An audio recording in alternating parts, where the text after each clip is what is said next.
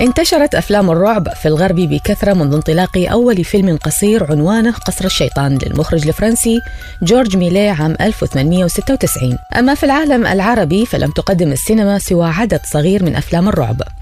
تركزت غالبيتها على حكايات شعبية عن اقتحام الجن والأرواح الشريرة والأشباح لعالم الإنسان. في محورنا هذا أعددنا لكم قائمة لأفضل أفلام رعب عربية تستحق المشاهدة.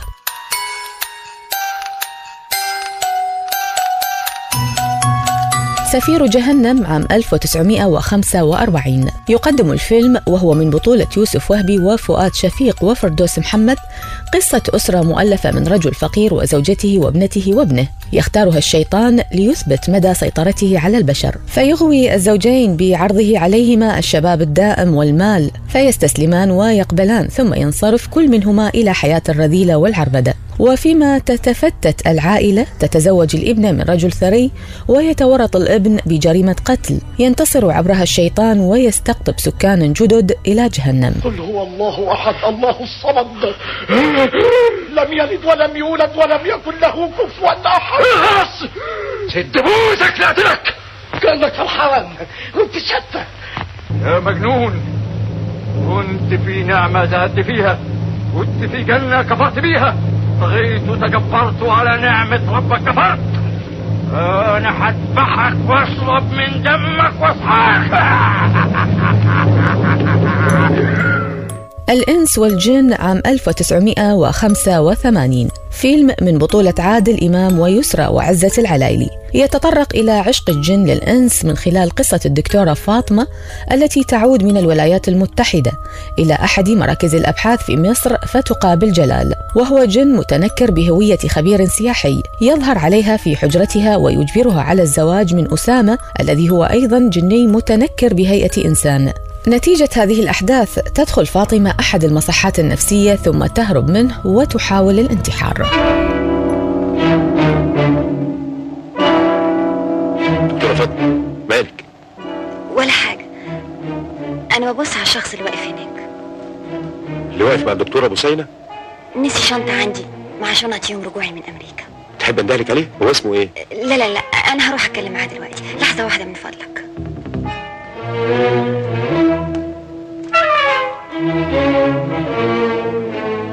جلال. أستاذ جلال؟ في حاجة يا فندم؟ أنا آسفة. حصل خير.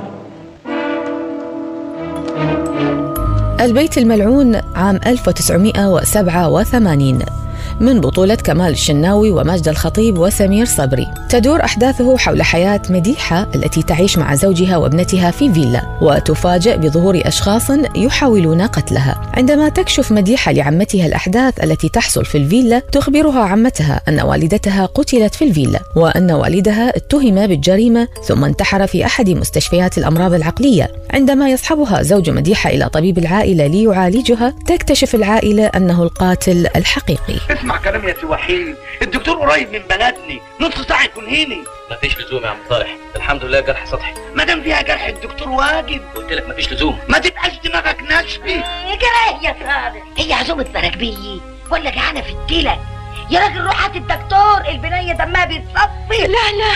جالك كلامي؟ أنا عارف مراتي كويس. ما تحبش الدكاترة. وأنا كمان ما أحبش حد يشوف مراتي. دمي ما بيطقش التعويذة عام 1987 من بطولة محمود ياسين ويسرى وتحية كاريوكا وعبلة كامل. يحكي الفيلم عن عائلة تصاب بالذعر بسبب حدوث ظواهر غريبة في بيتها. يمتلئ الحمام بالدم ويحترق البيت من تلقاء نفسه. فتكتشف العائلة أن البيت مسكون بالجن والعفاريت. عندما يلمحون جسما غريبا يتجول داخل المنزل يعرض عليهم شخص مجهول شراءه بسعر مغرٍ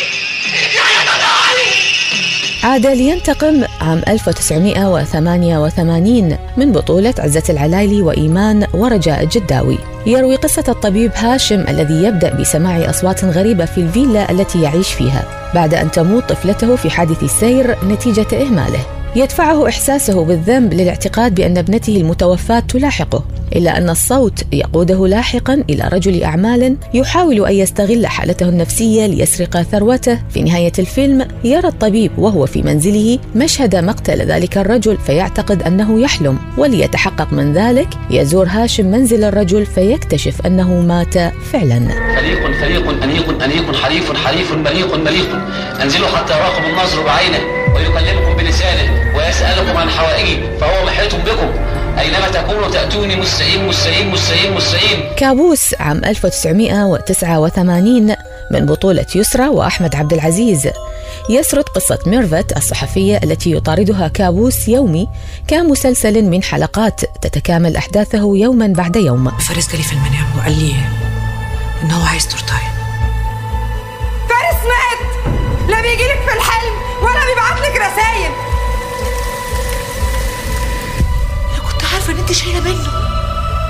لكن تكرهيه بالشكل ده؟ ليه بتعمليها بالطريقة دي؟ أنا عايزة أحميها يا عبد الله. تحميها من مين؟ اللي بيبعت لي رسائل. أخد ابني. هيبقى ابني وبنتي؟ ترى ميرفت في نومها عصابة تقوم بخطفها وسجنها في قصر مهجور. وما يخيفها هو أنها ترى آثار مقاومتها للمجموعة الخاطفة على جسدها كلما استيقظت من النوم. تبحث عن القصر المهجور في الواقع كي تقضي على الكابوس لكنها تكتشف تشابك الواقع بكوابيسها لاحقا. فزعيم العصابة وصاحب القصر هو عمها الذي جمع ثروته من تجارة السلاح والتهريب ويلاحقها في الواقع. 受け王妃。